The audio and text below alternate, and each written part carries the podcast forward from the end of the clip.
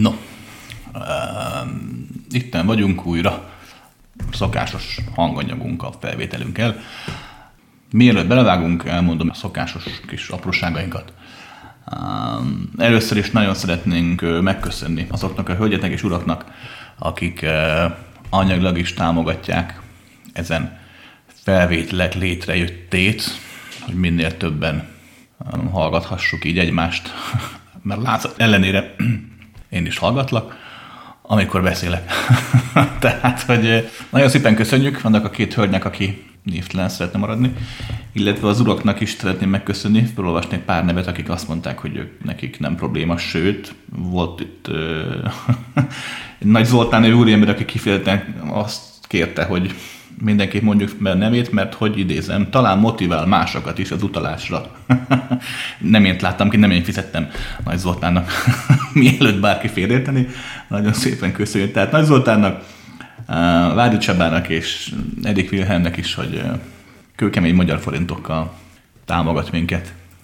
Jó, jó érzés.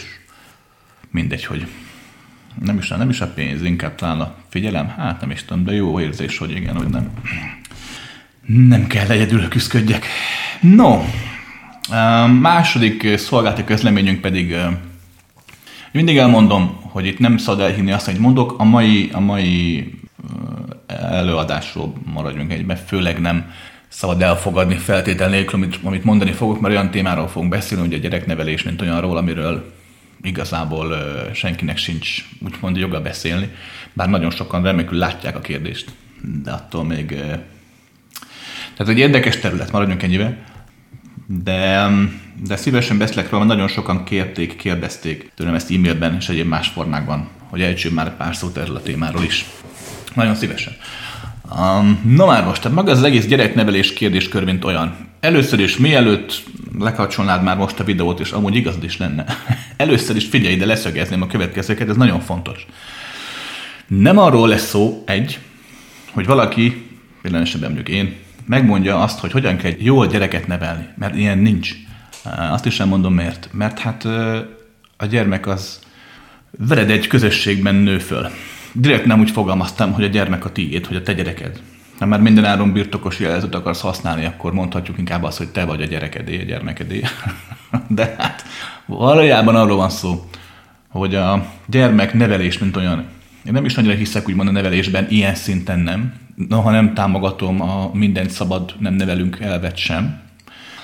De maga a nevelés, mint olyan, sokkal inkább egyfajta életközösség, ahol gyermek és felnőtt egyenrangúan, bár sokszor nem egyenjogúan, mert igenis egy gyermeknek utat kell mutatni sokszor, ahol a felnőttnek van úgymond idézőjelbe igaza, de attól még egyenrangúan, tehát a gyermekkel egyenrangúan él kettő, három vagy több ember. Tehát lényeg lényeg, hogy nem arról lesz szó, hogy most valakit okosan majd megmondja egy nőnek, ugye egy férfi mondjuk, hogyan legyen jó anya. Jaj, de hogy egy szót sem fogok ilyesmit mondani. Én csak olyan tényeket fogok majd itt most közölni, amiből leszűrheted magadnak azt tanulságot, hogyha átlános esetben gyermekkel így viselkednek, akkor az átlános esetben később mit okozhat. Nem fogok semmiért mondani, mit tegyél, vagy mit ne tegyél, vagy mit tehetnél jobban, vagy rosszabbul. Jaj, de hogy ennél azt hiszem sokkal több eszem van. És kettő, ugye pont azért sem beszélhetek úgymond átlános bölcsességekben, az előbb is elmondtam, mégpedig len, hogy hát nincs két egyforma gyerek. Tehát nem lehet átlános érvényű szabályokat, törvényeket ráhúzni a gyerekekre, a gyermekekre, és pont ez legnagyobb problémája minden oktatási rendszernek, hogy sokkal inkább már szociális alapú működnek, majd ezt elmondom, ahelyett, hogy magát a gyermeket néznék, vagy, vagy figyelnék, vagy, vagy egyáltalán a gyermekre fordítanának időt és energiát. Természetes, egyértelmű, hogy mondjuk egy külső szemszögből mondjuk én, és ez a hármas számú pont, vagy egy szakember, aki tényleg jó szakember, az természetes, hogy sokkal több mindent láthat mondjuk esetleg helyesen, mint mondjuk te aki benne vagy a szituációban. Hát ez mindig így van, ugye kívülről látni könnyebb, más gondjait átlátni sokkal könnyebb. Csak hogy, és ezért sem fogok úgymond pro vagy kontra beszélni a gyermeknevelésről, mert teljesen más az elmélet, és más a gyakorlat. Mert nagyon más okosnak lenni akkor, mikor így gyűlsz egy asztalnál, vagy előadsz higgadtan, nyugodtan, ráérősen, stresszmentesen. És nagyon más akkor látni az igazságot, és megélni az igazságot, mikor ott van a helyzet, ugye?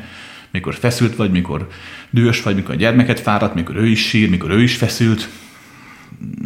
Nagyon, nagyon nagy a különbség, ugye, az elmélet és a gyakorlat között. Magyarán arra akarok kiukadni, hogy nincs olyan, hogy az a szülő, aki tudja szeretni a gyermekét és törődik is vele, nincs olyan, hogy az rossz szülő lenne. De megeshet, hogy adott helyzetben nem tud olyan bölcsességgel reagálni, mint amikor mondjuk nyugodtabb, vagy kipihentebb. Rendben van? No. Végsősorban maga a gyermeknevelést voltak épp már el lehet kezdeni attól az állapottól, mikor a gyermek ugye a pocakban van. Rengeteg tanulmány és különféle vita folyik erről az egészről, hogy mennyit is fog föl úgymond a magzat, vagy maga a, a már a gyermek a körülötte lévő világból, az anyja érzelmeiből, az apja hangjából. De jelen pillanatban arra hajlik a tudomány, és megjegyzem, jól teszi, mert mondjuk az én esetemben ilyen téren nem rossz, ha végighallgatsz, mert nem csak a tudományos része vagyok valamilyen tisztában, elég sokat foglalkoztam a témával, hanem emlékszem is sok mindenre, amire egy zseniális tudós sem. um, és nem emlékszem erre a magzati állapotra. Uh, és tény is való persze, hogy noha más nem úgy, mint az emberek gondolná, tehát nem arról van szó, hogy egy 8 hónapos gyerkőc hallja a mama pocakján tompán a hangot átszűrődni, hanem teljesen másodban módon, de valóban az egyén, aki egyénnek nevezhető. Mert hát valóban arról van szó, hogy egy gyermek, mint egyén um, már létezik. Az érzi, érzékelés felfogja azon érzéseket, gondolatokat és hangokat, külvilági ingereket valamilyen szinten, amik a kortájt az anyját érik. Egy-egy komolyabb traumát már itt meg lehet szerezni, illetve itt már át lehet élni olyan pozitív élményeket is mikor nagyon szeretve és elfogadva érzi magát egy gyermek, ami megkönnyíti később a, az életét. Ugye maga a születés után indul maga az egész gyermeknevelési procedúra. Um, nehéz, nehéz dolog ez, mert ugye ott van a szülő egy idegen helyzetben, mint az első gyermeknél. Ugye nem tudja, mit hogyan kéne tenni, hát honnan tudná. Uh, ugye ott a felelősség a vállám ott a megváltozott idegállapot, megváltozott hormonok, ugye nem csak a nőknél, a férfiaknál is megfigyelhető, hogy a férfi test is tudományosan mérhető módon változik akkor, amikor, és nem csak a szimpátia terhesére gondolok, hanem akkor, amikor tényleg a gyerkőc a pocakban van, pláne a születés után is. Tehát a férfiak többsége sem szokott egy megkönnyebbült érzést érezni akkor, amikor itt van a gyerek, és valamit csinálni kéne vele. És hát ilyenkor szokott indulni az első olyan szituáció, aminek különféle hozadékai lehetnek. Ez pedig ugye a következő, ugye ád egy, római egyes. Ugye jó esetben felnőtt embereknek szokott gyermek lenni. És egy felnőtt ember ugye megtanulja már az élete folyamán, ugye odáig, amíg felnőtté válik, hogy hogyan oldja meg a problémákat. Hogyan? Hát a maga adott képességeivel. Ugye? A világ látásával, a szemléletmódjával, a gondolkodásmódjával, az érzelmi, emocionális intelligenciájával, és még sorolhatnám. Tehát minden felnőtt embernek van egyfajta probléma megoldó képessége. És mikor ott van ugye a gyermek, akkor mit csinál? Hát nem tud más csinálni, mint sem az adott probléma megoldó képességével próbálja kezelni a helyzetet. Hogy igyekszik tanulni, igyekszik ellesni fortajokat, már előtte ráolvas, meghallgatja a nagymamát, tehát próbálja valamilyen formában, valamilyen szinten kezelni a problémát, úgymond, hát úgymond elkezdeni gyermeket, hát nem jössz, hogy nevelni, elén hogy életben tartani. Mert hát, hogy ott van ugye a csecsemő, nem nagyon tudsz le mit csinálni, kvázi életben tartod. Ahogy a gyermek növekszik, ugye ez a folyamat felerősödik, és mikor a gyermek már ugye három-hat hónapos, mondjuk egy éves, ugye addig már rengeteg fejlesztést, rengeteg kommunikációt kell vele folytatni. És itt ugye már megfigyelhető a következő szituáció, római kettes, hogy ugye a felnőtt ember nem tud más csinálni, hát úgy neveli a gyermekét, ugye, amilyen ő maga is. Szokták mondogatni, hogy egy önmaga képére próbálja formálni a gyermeket. Um, ennek lehet építő és lehet romboló hatásra. Az utóbbi gyakoribb. Um, akkor lett építő hatása, hogyha a gyermek egyénisége és a szülőknek az egyénisége közel úgymond rezgésben megegyezik frekvenciában. Ez azt jelenti, hogy a gyermekben lévő világkép, ilyenkor ugye még 9 hónaposan, fél évesen még nem kézzel fogható, de már ott van, valamilyen szinten már megtalálhatók azok a nagyon tág határok, de már ott vannak csak tág határok amiket egy gyermek az élete folyamán megélhet és beélhet. Hogyha ezek megegyeznek a szülőkkével, akkor akkor a gyermek nagyon erőteljesen haladhat a céljai és önmaga felé. És az a fajta, fogalmazunk így, ilyen autoter, tehát ilyen tekintélyelvű alapuló nevelés bejöhet nála, mert a gyermek arra született, hogy azon az adott sinen robogjon. És ha a szülők és azon az adott sinen robognak, akkor ugye tudják a gyermek útját segíteni. Ezzel szemben az este többségében inkább az szokott lenni, hogy a gyermek az nem egy előre meghatározott betonmerev sorssal születik. Még a genetika sem olyan szinten meghatározó, mint a sokan gondolnák. 20-30 százalék lehet maximum. És az is inkább csak hatás, nem pedig egyfajta ilyen determikus, tehát kényszerítő erejű hatás, csak hatás. Um, következőt kell elképzelni. Amikor én oda költöztem, a most lakom, um, itt rengeteg fa volt, de már, de, már, de már akkor nem volt rajtuk gyümölcs. És noha ugye hivatalosan asztalos vagyok, pontosan van ilyen faipari szakember, az azt jelenti, hogy egyetlen dolgot tudod csinálni a fából, az pedig gyufa, vagy fogpiszkáló, tehát és az se jót, maradjunk ennyivel. De itt voltak a fák a kertben, nagyon sok gyümölcs volt, és láttam, hogy ezek gyümölcsfák, de fogalmam se volt róla, hogy ezek a gyümölcsfák igazából milyen gyümölcsfák. Nem, hát nem volt rajtuk termés. Azt láttam, hogy lombos, meg stb. Mm, nem, nem is nagyon foglalkoztam vele, úgy, mm. és egyszer csak jött ugye a tél, elmúlt, jött ugye a tavasz, és ugye elkezdtek nőni ugye a fákon a gyümölcsök, és láttam, hoppá, hát ez egy almafa, jé, hát ezen körtenő. No, hát valahogy így kellene hozzáállni egy gyerekhez is, mert ha valaki így áll hozzá a gyermekhez, akkor abból a gyermekből az lesz, akinek lennie kell, önmagát tudja megélni. Ugye? Hát hiszen a gyermek sem tudja még, hogy ő almafa vagy körtefa, nem tudja még, hogy ő milyen gyümölcsöt fog hozni. Honnan tudnád? Kicsit se nevész. Még nem terem gyümölcsöt. De hogyha felnőttként megszakadsz, és rá akarod erőltetni a gyermekre a saját magad elképzelését, akkor könnyen lehetséges, mert ez elég gyakran megfigyeltő, hogy a gyermek már kamaszkorában antiszociális lesz, depressziós lesz, felnőttként függő, alkoholista, drogfüggő, játékfüggő.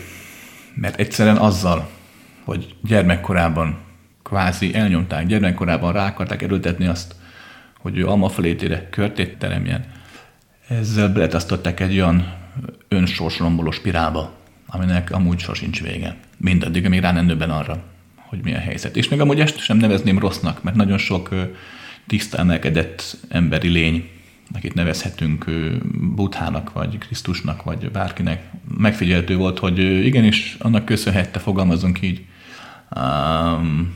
a fényét, hogy bizony nagyon mély sötétségből kellett neki, nagyon mély sötét és spirálokból kellett neki kijutnia. Hát újra mondom, még véletlenül sem akarok megítélni senkit, és te se tedd, mert nem lehet tudni, hogy kinek mire van szüksége. De az tény, hogy egy sokkal egészséges a társadalmat tudnák létrehozni két-három generáció, nem is sok, gondolj bele, 60-90 év. De két-három generáción belül, mint most, csak azzal, hogy hagynánk, hogy a gyerekek, gyermekeink úgy nőjenek föl, amilyenek.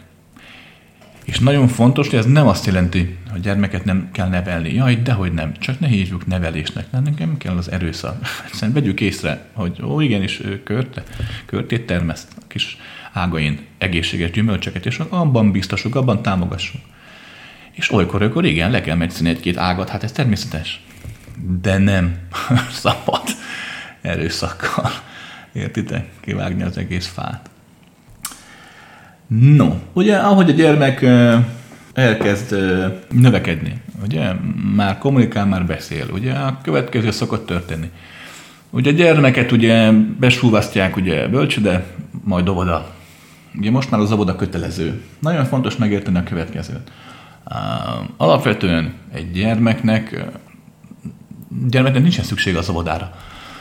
Tudom, ez egy furcsa hangzik, de ha végig gondolod, az óvoda az nem a gyermekért létezik, hanem a felnőttekért. Én mondtam legelején, az óvoda az voltak épp egy szociális intézmény, tehát nem a gyermekért van, hanem a felnőttek, mert hát megváltozott a világ.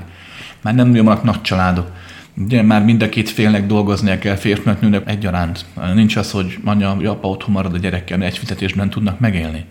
Um, vagy nincs pénz ugye egy nevelőnőre, aki egy nurse ugye, aki segíteni a folyamatot, dadus találmány. Megjegyzem, nagyon zseniális, majd erről is fogok beszélni, ha nem felejtem. Um, magyarán egyszerűen szükség van arra, hogy az élet ne álljon meg, hogy maga az emberek életben maradhassanak, hogy bizony-bizony kvázi a gyereket le tudják passzolni, amíg úgy dolgoznak, a gyerekre valaki vigyázzon. Tehát az óvoda nem a gyermekért van, ez nagyon fontos, és sajnos az estek többségével nem segíti a folyamatot. Én emlékszem a saját magam élményeire, borzalmasak voltak, de újra mondom, így több felmérést is, és egyéb más forrást is végigolvastam, és valóban a legtöbb óvodásnak az élményei az óvodában nagyon rosszak. nem is tudom, hogy a 90-es évek elején, vagy végén, közepén, nem is tudom mikor, már azt hiszem közepén talán csináltak egy ilyen felmérést. Magyarországon közel 6000 gyermeknek a kikérdezésével, óvodásnak a kikérdezésével. És, és a 90%-a azt mondta nagyjából, amikor megkérdezte tőle, és akkor mond kisfiam, kislányom, mi a legjobb az oviban? És akkor azt mondták, az több, mondom, óvodások 90%-a, hogy amikor anya értem jön. és én is pont így voltam vele, emlékszem, hát szerettem a többi gyerekkel rohangálni, szerettem játszani, mikor játszhattunk. De, de tűkönül vártam, mikor jön értem valaki, és mikor visz haza. És Valkilélet pont erről van szó. Hát amikor az óvodástól három-négy éves gyerek ugye visszajön az oviból, hazajön végre, hazahozod, és akkor leül, és tudod, megkérdezed, na és akkor Juliskám mi volt az oviba? És mit mond Juliska? Hát, hogy semmi. és hát nem tudod, hogy miért mondja ezt. Azt mondja, hogy zárkózott a gyerek. Nem igaz, nem zárkózott. Épp csak nem érezte jól magát az óvodában. És mikor végre hazaért, végre, ahol jól érezheti magát a bőrében, akkor nem akar újra visszamenni a kedvedél az oviba ugye a fejében. Inkább azt mondja, hogy semmi. És megy játszani, és már veled foglalkozik. És amikor úgy nem piszkálod, tehát amikor tényleg, mikor a vége a napnak, akkor lehet, hogy elkezd mesélni valamit arról, hogy na, mi is volt, Marcsival elbabáztunk, vagy a Petike ellopta Józsik a matchboxát.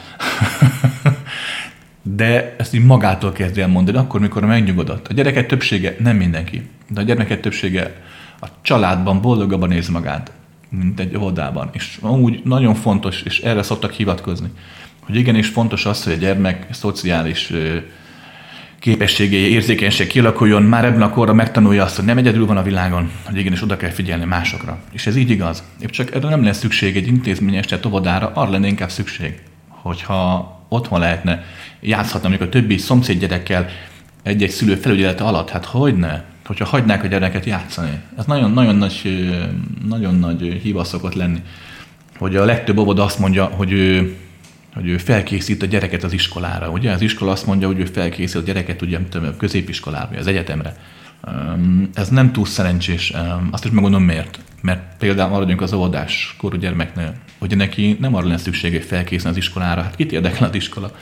Neki arra lenne szüksége abban a korában, hogy élvezze az életet hogy játszva, könnyedén felfedezéssel tanulja meg a mindenséget. Nem úgy, hogy beleerőltetik egy dobozba. Azért, mert ez a tanterv, mert hogy ezt be kell majd neki az iskolában úgy is majd beletörnie, mert ugye a gyerekek beletörnek ebbe az egészbe. Nagy részük legalábbis megtörik, akire nem passzol a felépített skatuja. És ugye ebben a szülők is valahol partnerek, hiszen nem tudnak annyit foglalkozni a gyerekkel, egyszerűen az legtöbb ember, mire hazaér a munkából, mire ott tart, hogy szusszanna egyet, addigra már, addigra annyira fáradt, hogy, hogy nem tud a gyermekre figyelni. Már pedig ebben a korban, három-négy-öt éves korban a legfontosabb, amit egy gyermekért lehet tenni az, hogyha a gyermek érzi, hogy őt szeretik, hogy ő, hogy ő érzelmileg, és ezáltal ugye fizikailag is, de biztonságban van, hogy mindig ott van körülötte, az az óvó mező, ahol elengedheti magát, nézd meg egy gyermek, hogy tud aludni. Úgy felnőtt nem tud. Nagyon ritka. Egy felnőtt olyan igazán őszintén aludjon, úgy abszolút elmeri, engedi magát. Mert ugye egy gyermek tudja, hogy ott van körülötte apa, anya, a család. Még a felnőtt meg tudja, hogy neki kell lenni az erősnek, ezért a felnőtt már sosem alszik annyira, tudja, hogy már nincs, aki úgymond, úgymond óvja és védje. Neki kell óvni, védeni másokat. Um, tehát ebben a korban gyermek akkor lesz legegészségesebb, hangsúlyozom, általánosságban beszélek, nem minden gyermek ilyen, de általánosságban. Akkor lesz legegészségesebb felnőtt, lehet egészségesebb felnőtt, hogyha hagyják, hogy játszva könnyedén fedezze fel a világot, és, és élvezze a létezést. Nézd meg, amikor egy gyermek ugye hogyan tanul. Ugye ebben a korban, hát kvázi nevezhetjük nyugodtan, kimondhatjuk utánzással amit te, a szülő csinálsz, a gyermek ott megy melléd, és ő is csinálni akarja. Én is emlékszem, voltam kb. négy éves, még alig értem fel a, a zsúrkocsi asztal. És ott láttam, hogy apám ott sakkozott egy barátjával. Én is oda mentem, és csak egy megtanultam sakkozni. Apám normális, hogy elmagyarázta a bábukat, mit, hogyan, mert öt éves koromban egész jól sakkoztam. Most öt éves szintjén, tehát hogy ne érts félre, nem voltam egy, egy nagy mester, de jó voltam bábukat. Élveztem. Um, apám jól csinálta, mert mi történt? Hagyta, hogy a bábukat pakolásszam össze-vissza. Nem azt mondta, hogy ja, fiam, ezt így ne csináld, mert a, a huszár az nem így lép, hanem hagyta, hogy darabig játszogassak vele. És amikor ő lépegetett, láttam ugye, hogy ő bizonyos szisztéma, rendszer szerint lépeget. És akkor rákérdeztem, hogy ő miért csak úgy lép a lóval, és akkor mondta, hogy a huszárnak ellakban kell lépni, nem pedig, nem pedig egyből letörte a őszinte érdeklődésemet, mert hát gyermek így érdeklik őszintén, nem érdeklik a szabályok, azt se tudja mi az. De a gyermeket minden érdekli, ugye mindennek nincsnek szabályai. Nézd meg, gyermek mindennel játszik. A játék a lényege. Hagyjátok, hogy a gyermek játszon. És mikor már érdeklődik, akkor hagyjátok, hogy átlatok, megtanuljon dolgokat. Mondom, az utánzással. És de ehhez voltak épp idő kell, nagyon-nagyon sok idő, hogy ugye ott legyél a, a gyermekeddel, és hagyjad, hogy együtt, veled együtt fedezze fel magát. És az nagyon fontos. Többséget szerintem nem emlékszik rá, de én emlékszem arra, hogy voltak épp olyan tudások, amikben kiemelkedő voltam mondjuk később, sportban, sakban, olvasásban, írásban, számolásban, gyerekkoromban nagyon jól számoltam, még most is fejben, de, de ezeket mind úgy tanultam meg, hogy, hogy a saját magam kísérletezgetése által. Tehát amikor a gyermek elkezd téged utánozni valamilyen, valamilyen munkában, mondjuk leülsz a gép elé, és nyomkodod a billentyűket, odaül mellétök, ő is nyomkodja. Jó, akkor hagyod persze nyomkodja, és akkor nem szabad egyből elvárni tőle, hogy jól csinálja. Sőt, felejtsd azt, hogy jó. Nem mond neki azt, jaj, fiam, hát ezt ne, ne így nyomkod, hát tönkre megy a gép. Hát Jézus, hát ki Petike, hát mit csinálsz? na, nem az enter, ó, úristen, de béne vagy, na húzz innen. Ezt nem szabad. és tudom, hogy legtöbbetek most azt mondja, hogy á, én biztos nem csinálok ilyet a gyermekemmel. Persze, mert most itt ülsz nyugodtan, vagy kocsiban ücsöröksz, vagy éppen otthon dolgozgatsz, és a háttérben szólok. Halál nyugodt, egy könnyed, laza. Hát persze, ilyenkor senki nem csinál ilyesmit de amikor feszült vagy, akkor, akkor bizony, már, bizony már megtörténhetnek a, az ilyen problémák. És nagyon fontos megérteni a következőt. Nem arról van szó, hogy amikor, amikor feszült vagy, és, és csinálsz valami ilyen apróságot, hogy akkor te rossz szülő vagy, és úristen, egy életet tönkretettem a gyermeket, mert egyszer ráüvöltöttem. Jaj, de hogy nem erről van szó. De ilyenkor mindig állj meg egy pillanatra, és gondold végig a következőt. Nem arról van szó, hogy te hülye vagy. és arról sincsen szó, hogy a gyerek lenne hülye, vagy hogy rossz. Rossz gyerek nincsen.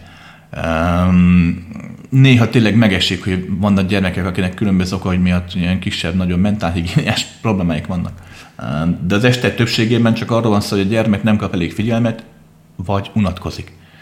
Um, nagyon kevés a valóban hiperaktív gyermek. A legtöbb hiperaktívnak nevezett gyerek az nem hiperaktív, csak egyszerűen a mai világ ugye a gyógyszeripar hatására keresi az új pácienseket, és hát nincs is jobb kuncsaf, nem, mint aki már 5 éves korában rá van szoktatva a következő 90 évben szedendő gyógyszereire. Illetve hát maga ugye a felnőttek, és hát nem tudják elfogadni, és nem tudják kezelni a gyermeket. Miért? Nagyon egyszerű. Tehát amikor kiborul ugye a Billy, és téged zavar, hogy tudod, hogy te nem vagy ilyen, nem vagy egy üvöltözős, nem vagy egy ilyen, nem vagy egy ilyen durung, akkor a következőt vedd észre, hogy nálad van probléma, és nem hülye vagy, egyszerűen csak túl vagy terhelve. Nagyon fontos megérteni a következőt. Mondom ezt úgy, hogy végtelen szeretetben élek, és a végtelen szeretetben beletartoznak a gyerekek is. Na hát most, a gyermek egy csoda, ez így van. De egy mocskosan fárasztó csoda tud lenni. Tehát tényleg, ha belegondolt, legyünk őszinték, akinek volt, tudja. Hát nekem is volt szerencsém azért elég sokat foglalkozni velük, a hírhetten legendás bölcsessége, nyugalmam és energia tartalékaim meg megrecsentek néhány óra gyerekkel való eh, foglalkozás után. Hát ebben a korban, 3-5-6 éves korban végtelen energiájuk van. Hát egy gyerek, egy felnőttet simán gerincre vágta, jó Isten, talán még kettőt is tele vannak energiával. Hát ne, van tudod egy nagyon régi mondás, hogy, hogy a, tudod, a nagymama mikor örül az unokának? Hát ugye napjában kétszer, mikor hozzák, meg mikor hazaviszik. Mert ugye a nagyiknak a legjobb ész jut a unokából, gyerekek ott vannak, két óráig el van velük, megtöm őket süteménnyel, aztán mikor elfáradtak, mondja az anyjának, hogy na most meg vidd őket haza, és kész. De hogy egy anya, egy apa ezt nem teheti meg. Igen, és nagyon fontos, hogy olykor-olykor, hetente egyszer, két nem tudom kinek mennyire igénye. Igen, és leadni a gyereket nagyszülőkhöz, vagy a szomszédba, vagy fölbérelni egy opert, egy dadust, egy nevelőnőt, aki nem helyetted neveli a gyereket, az olyan sok embertől hallom, de hát azért nem veszek föl nevelőnőt, mert én akarom nevelni a gyermekemet. Hát nevelte, hát ki más nevelni? Persze, már ha nevelni akarod, egyértelmű.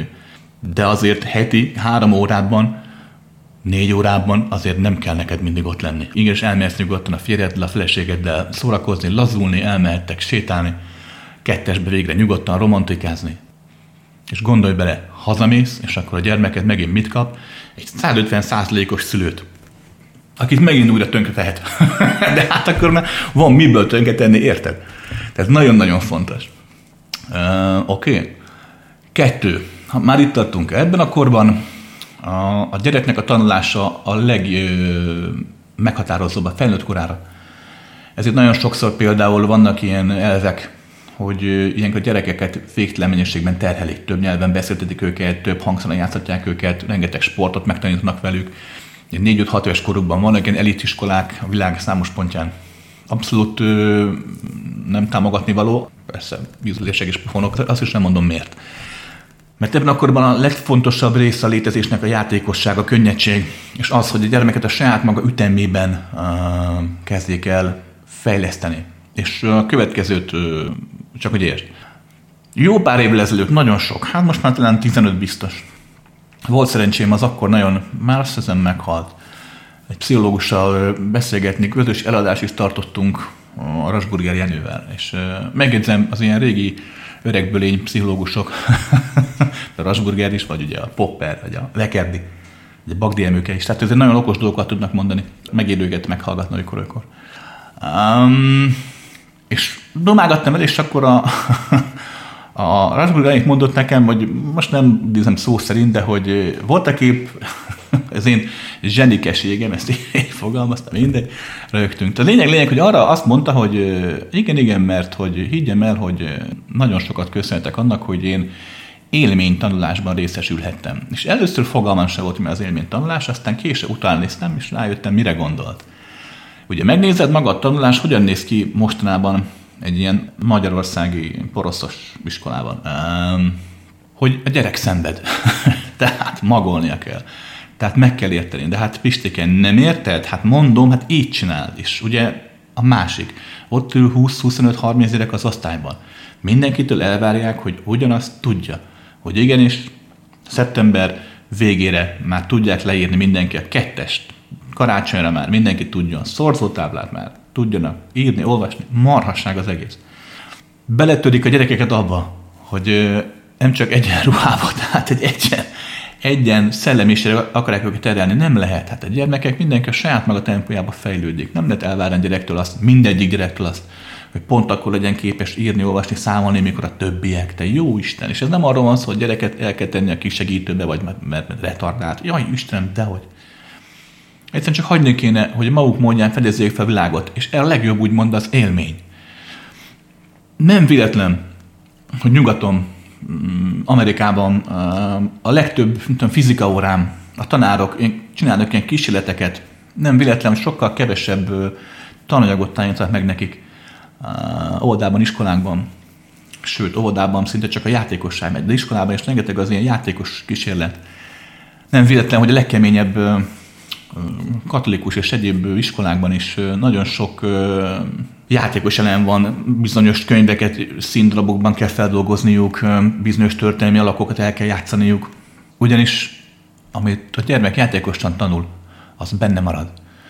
Emlékszem én is, gyerekkoromban történelmet tanultunk, más világháborút általános iskolába, és akkor egyik sászak már volt ugye videója,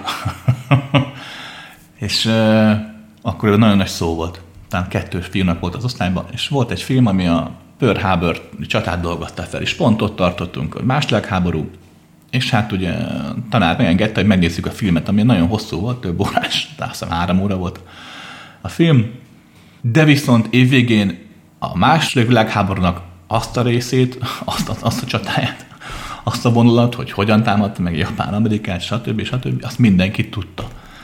Mindenki tudta. Minden mást az emberek elfelejtettek. A gyerekek, hát az nem, nem tud más megtanulni.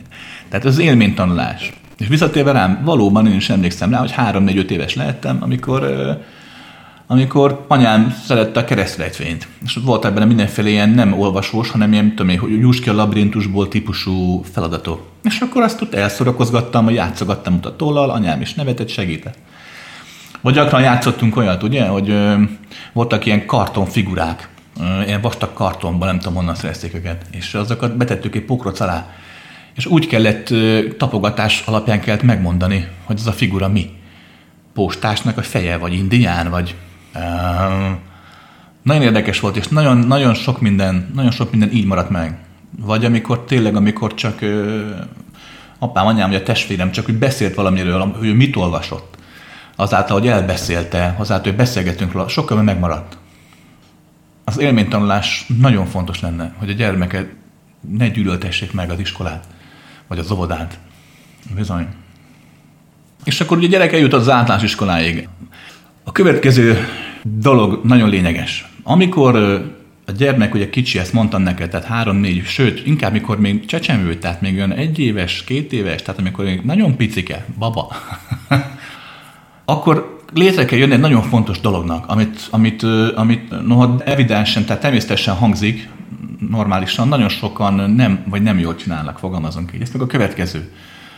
Ki kell alakulni a szülő és a gyermek között egyfajta érzelmi, emocionális kapocsnak, úgymond kontaktusnak, tehát egyfajta nem jó hogy kötődésnek, mert az amúgy is kialakul, hanem egyfajta oda-vissza információ áramlásnak, egy, egyfajta békének, érzelmi alapon létrejövő biztonságérzésnek. Ez csak és kizárólagosan úgy tud kialakulni, hogyha a szülő, anya, apa nagyon sokat érintkezik a gyermekével fizikálisan. Tehát sokat játszanak együtt, tudom, csiklandozza, birkoznak, ökörködnek együtt, simogatja a gyermeket, öleli gyakran, meg kell ölelni a gyermeket. Már a pszichológia hajnalán 1900-as évek elején, 1800-as évek végén már csináltak arra kísérletet, hogy gyermekeket úgy neveltek föl, hogy soha nem ölelték meg őket. És bármennyire is hihetetlen, nagyon sok gyermek már 5-6 éves korában meghalt csak azért, mert egyszerűen nem kapott ölelést. Hiába tették, hiába az ölelés hiányát, az érintés hiányát lepusztultak. A pedig aki meg nem, az meg hát egy, egy, egy igazi vattúzok felnőtt lett. Egy nagyon komoly, traumatizált, sérült ember nem tudta kötődni senkihez és semmihez, majd hogy nem, mint egy vadállat ö, szintjén léteztek. Tehát az érintés nagyon-nagyon fontos. És ezt azért mondtam most el, nem pedig legelején, mert amikor a gyermeked már az általános islát kezdi el taposni, és ugye kiskamasz lesz, 9-10 éves, akkor fog kiderülni az, hogy ez az emocionális kapocs köztetek mennyire alakult ki? Ugyanis onnantól fogva már, 9-10 éves korban már, hogy a gyermek már rád már nem annyira hallgat. És ilyenkor ugye a szülő ugye mit próbál, hát egyre jobban erőlteti, egyre hangosabban, nyomatékosabban büntet, és a gyermekkel ilyenkor már nem nagyon tudsz mit kezdeni. Ezzel szemben, hogyha ez a fajta érzelmi kötés köztetek megmarad, akkor bizony lesz a gyermekben egy olyan, olyan nem is jó szó, hogy emocionális tartás, de valami ilyesmi. Lesz benne egy olyan, olyan tartalom, egy olyan egyensúly, érzem egyensúly, hogy ő el tudja dönteni, hogy ő nem akar mondjuk, mit tudom én, drogozni a többi gyerek, kis gyerekkel a WC-be. Vagy ő nem akar megcsinálni bizonyos dolgokat, nem pedig azért, mert te tiltod. Bizony, bizony, ez nagyon-nagyon fontos. És ide csak úgy lehet eljutni, ebbe az állapotba, egyrészt a gyereket, mondom, egyfajta emocionális érzelmi, érzelmi óceánban, amit te és ő vagy, abban nagyon sokat fürdeted az öleléssel, a kontaktussal, az érintéssel. Nem szabad erőltetni, de igenis, igenis napi szintűvé kell tenni, minél többet. Másrészt pedig rá kell jönni a középútra, hogy igenis van a dolgok, amikor a gyermeket úgymond igenis meg kell értetni vele, amikor még kicsi, 3-4-5 éves. Mit lehet és mit nem de vannak dolgok, amiben meg magára kell hagyni. Hagyni kell, hogy kialakuljon a saját értékrendje. Már így, 3, 4, 5, 6, 7 éves korában abból fog táplálkozni kiskamaszként, már nem belőled. Az, hogy a világból kapott ingereket hogyan fogja feldolgozni, az annak az előző 9-10 évnek lesz köszönhető, nem pedig annak a néhány hónapnak, amikor majd a gyereked már 10 éves és próbálod erőszakkal nevelni. Hát akkor már nem lehet. Nekem van egy unokatestvérem, és egy családi legendárium, tehát családi sztori a következő. a testvérem ugye Imre, itt hívták, ugye sokkal na, tíz évvel idősebb, ugye, mint, mint mondjuk én. És ugye gyerekkorukban ugye az én szüleim, meg ugye az ő szülei, ugye anyám és ugye anyámnak a nővére, ő volt az unokatestvérnek ugye az anyja. Ugye egy sokat voltak együtt, és aztán mesélték a sztorit, hogy Imike volt kb. 3-4 éves, amikor ott voltak anyáméknál, ugye Imike, az anyukája, apukája Imikének, aki szintén Imre volt amúgy, és ö, beszélgettek, részagadtak, és akkor hát egyszer csak látták, hogy Imike már úgy kezd unatkozni, úgy már, mit tudom, tudom már rombolgatott, ledöntött pár könyvet a polcról, hát már, hogy már ment volna haza. Próbáltak rászólni, ja, Imike, ne csinál, de hát igazából nem foglalkoztak vele, Imike már Mondjuk már le volt kicsit téve a sarokba, majd eltett megint egy fél óra, és egyszer csak még egy felállt, és hát oda lájtosan, finoman, úgy érzékenyen elkezdte jelezni, hogy menne haza. Oda ment, és jó bokán rúgta az apját. ugye egyben mi történt? Ugye apuka fölülvöltött, Émike ne, ugye? A többi felnőtt mit csinált? Hát röhögött. Mi más csináltak való, ugye már néhány pálinka meg sor után. Imike ugye mi történt? Ez felbátorodott, elkezdte rúdosni az apját, apja futott előle, Imike, ne, ne rúdos, apja menekült. Imike rúdosta. Ja, Istenem. Mit kellett volna tenni, ugye? Hát ugye az első rudosásnál, ugye le kellett volna térdelni a gyerek elé, ez nagyon fontos, a gyermeknek sosem fölülről mondjuk meg, hogy mit lehet, mit nem. Te sem hallgatnád meg azt, aki négy és fél méter magas, ugye hozzád képest. Tehát még letérdelsz a gyerek elé, hogy a fejetek egy szintbe kerüljön, és ilyenkor megfogod ennek mind a két kezét, nem szorítod, csak megfogod mind a két kezét, szemébe nézel, és azt mondasz, hogy na ezt nem. Ezt nem lehet megtenni. Abban a pillanatban nem bátorítom azzal, hogy rögök rajta. De nem is kezdem el ütni. Hát nem szabad a gyereket, nem szabad verni. Eszedben jusson. Ez így viszont működik. Többször csináltam én is, és láttam másoknál is, ez így működik. De abban a pillanatban, amikor a gyermek megteszi azt, amit nem szabad, abban a pillanatban odamész hozzá, letérdelsz elé, megfogod neked kezét, és megértheted le, hogy ezt nem szabad. Tehát így, ilyen szinten a gyermeket igenis nevelni kell. Ez a minden szabad el, vagy most erőltetnek rá a gyerekekre, ez, ez tönkre fogja tenni a generációkat. Nem lehet hagyni, hogy a gyermek nőjön, mint a dudva. Újra mondom, minden gyermek egyeniség. Tehát nem szabad ráhúzni egy görcsös erőszakos mást sem, abba is tönkre fog menni. Ugye, ez a poroszos iskolák, amik nálunk is vannak, hát nézd meg, ugye, hogy a társadalom milyen sokáig erőltette azt, hogy minden gyereket egyformán próbáltak nevelni, erőszakkal ránevelni arra, hogy legyen katona, legyen harcias. Vagy egyáltalán csak is meg kell tanulni mindent, amit meg akarnak tanítani. Tehát a másik oldal sem szerencsés, amikor a gyereket minden pillanatban nevelnek, és állandóan ugye leszólják, állandóan megbántják, nagyon, nagyon érdekes, hogy, hogy ugye a legtöbb szülő tényleg szeretetből próbálja a gyermeket úgy nevelni, ugye, hogy minél sikeres legyen az életben. És ezáltal gyakran pont, hogy megfosztja attól, hogy legyen egyetlen sikeres pillanat is az életben, mert a folyamatos stresszel, a folyamatos kihívásokkal, a folyamatos elvárásokkal, ugye, hosszú távon felülre a gyermeknek a lelkét. Úgyhogy mire a gyerek köz 9-10 éves lesz, 11-12 maximum, addigra kiderül, milyen munkát végeztél. Um, ezt csak idézőjelbe értem, hogyha a gyermeket tényleg fel tudod nőni, akkor jó szülő vagy. Vagy jó szülő voltál. Ebben a korban nagyon fontos, hogy itt már el kell tanulnod elengedni a gyereket. Ez, ez azt jelenti, hogy igenis saját döntéseket kell hoznia, hogy igenis mindig hallgass meg, de sose erőltesd azt, hogy elmondja azt, ami benne van. Fontos, hogy érezze a figyelmedet, de, de ne, ne érezze a nyomást, a presszúrt. Mm, nem könnyű ilyenkor, ugye, mert a gyermek elkezd kamaszodni. És tudod, mi az érdekes, hogy, hogy már a tudomány be is bizonyította, hogy a kamaszok ugye a hormonok megindulásával, a hirtelen megnövéssel voltak épp az a kamaszkori fáradtság, hogy csak fekszik az ágyra, és nem csinál semmit, csak a plafont bámulja, az abszolút egészséges és normális. Um, és pont ilyenkor, ilyen 14 éves kor körül terhelik legtöbb gyereket avval, ugye, hogy mi lesz, ha, nagy leszel meg, hogy akkor mit, mit vársz az élettől, fiam, mert már 14 éves, hogy szedd össze magad. Egészen csak így fekszel. Pedig hát olyankor te nem tud más csinálni, csórikám, csak feküdni. Um, nem mindenkinél van ez így. Nekem se volt ilyen, ilyen nagyon fekvős, nyúlós kamaszkorszakom, de, de a többségnél megfigyelhető. Van egy, egy-két év, amikor úgy, úgy a meginduló fizikai változások és lelkészi változások miatt sokkal inkább hajlamosabb befele fordulni a saját maga világában, kialakítani, saját maga ugye világot körül beposzterozza a szobát. A maga tárgyal veszi körbe magát, saját barátokkal inkább már, semmint mondjuk a szülőkkel. Ja. Na, egy szónak is száz a vége. Üm, nagy általánosságban először is föl kell fogni azt, amikor a gyerkőc még csak úton van. Hogy senki sem tudja, milyen jó szülőnek lenni. Honnan tudná? Azt lehet tudni csak, hogy milyen szülő nem akarsz lenni.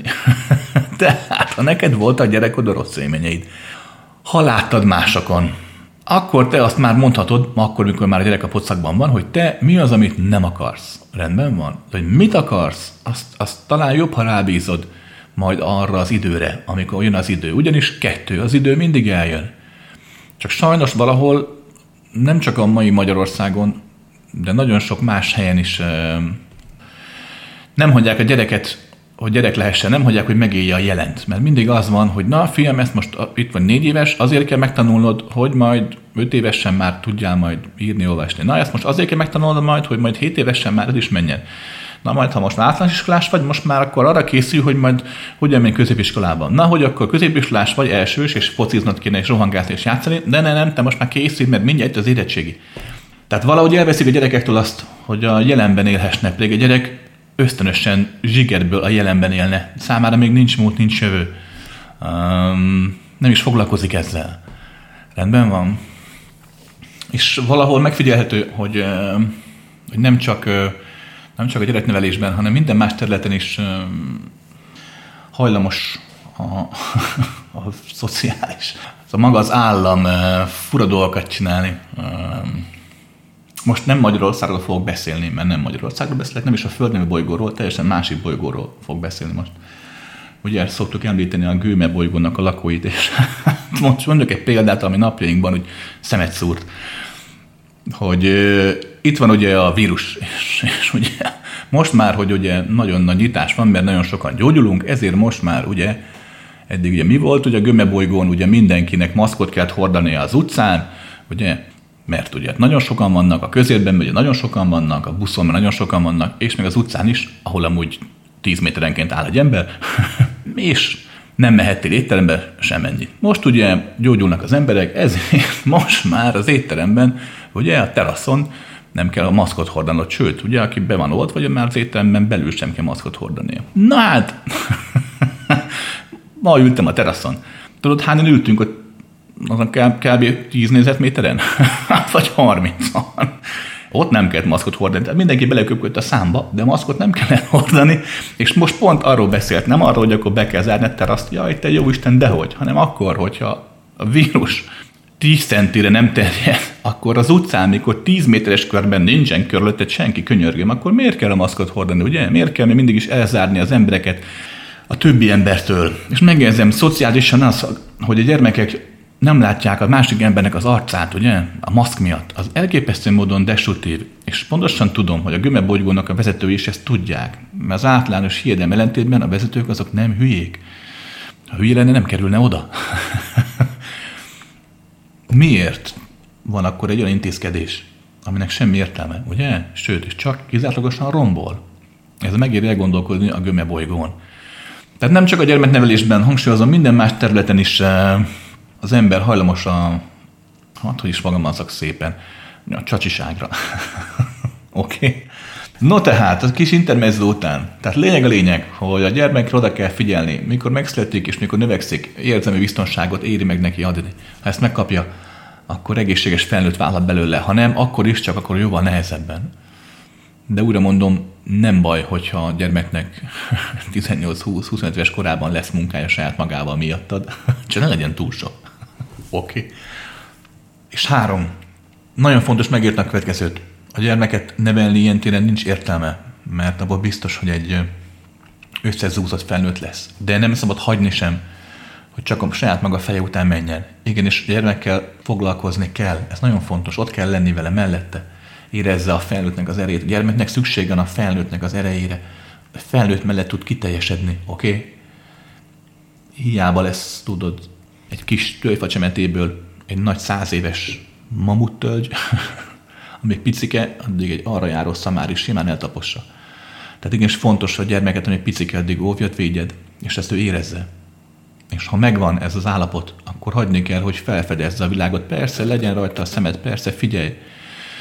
De hagyjad, hogy a saját maga ütemében, ritmusában tanulja meg azt, hogy mi is az élet. Sokkal egészségesebb felnőtt lesz.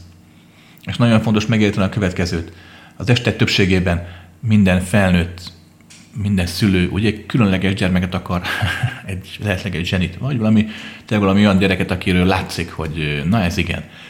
Legtöbb szülő büszke is akar lenni a gyerekére, ez teljesen normális, nincsen semmi baj. Csak értsük meg a következőt. A legtöbb különleges gyermek bizonyos téren különleges.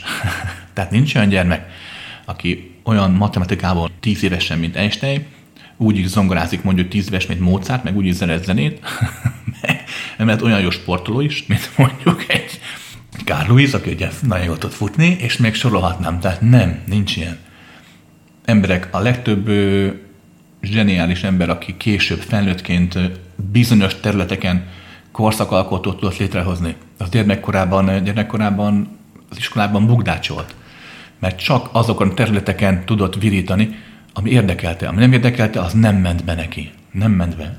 Ugye, hát például, amit tudom én, a Hawking, a Stephen Hawking, aki ugye most halt meg nem olyan a csillagász. Hát zseni volt a csávó. Gyerekkorában nem tudott megtanulni írni és olvasni. Később felnőttként tanult meg. Hát hogy ne. Most gondolj bele, hogyha a szegény Hawking Magyarországon születik, már a harmadikban megmutatták volna, 50 éves korában is harmadikos lett volna. Érted? De hát így, hogy nem erőltették, és így, hogy tudták, hogy a gyerek mekkora zseni matekból, fizikából, azt átengedték, nem erőltették neki, és aztán tíz évesen meg, megtanult írni, olvasni, és mehetett tovább. Nagyon fontos megérteni, hogyha a gyermek bizonyos területeken nem tud szerepelni az iskolában, az nem azt jelenti, hogy a gyermek maga hülye. Sose felejtem el, 12 évesek lehetünk, már földre tanultunk. És volt az iskolában Zsolti nevű haverom, akiről mindenki azt hitte, hogy hát ez, ez, ez, ez egy ilyen hülye gyerek, ez nem jó semmire, lusta, meg nehéz fejű, mert hát tényleg nem volt egy, nem remekelt az órákon, ezt el kell ismerni. Um, a tanárok is így bántak vele, meg egyáltalán tényleg egy nehéz eset volt a srác, öntörvényű volt. Jó lelkű gyerek volt különben, akit szeretett, azt nagyon tudta szeretni.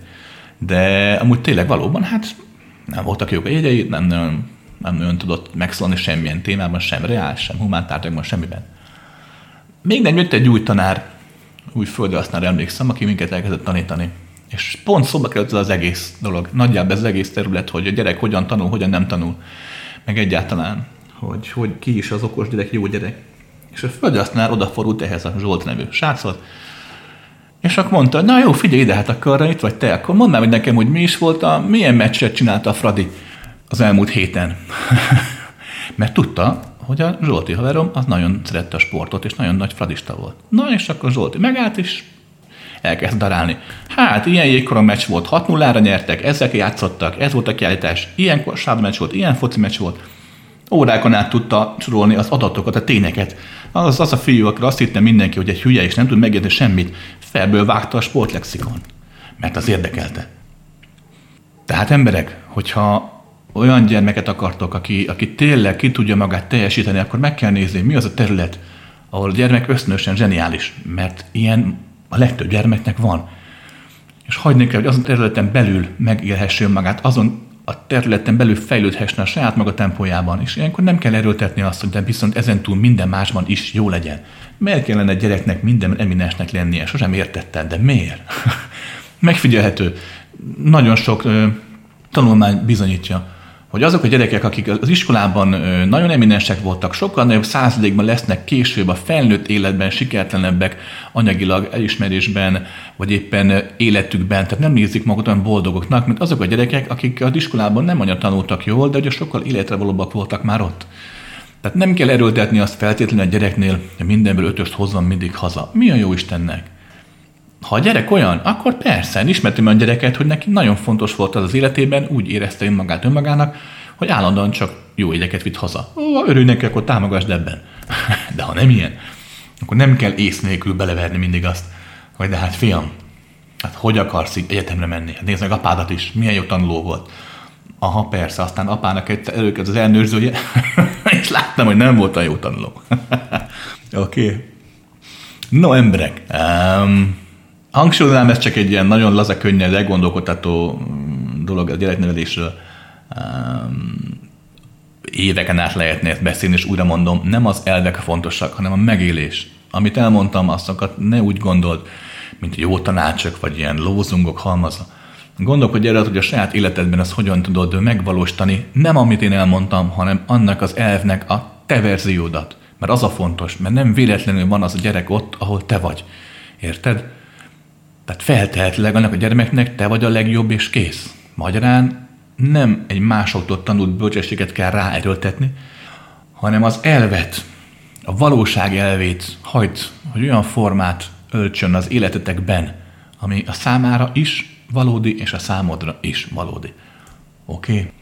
No, jók legyetek!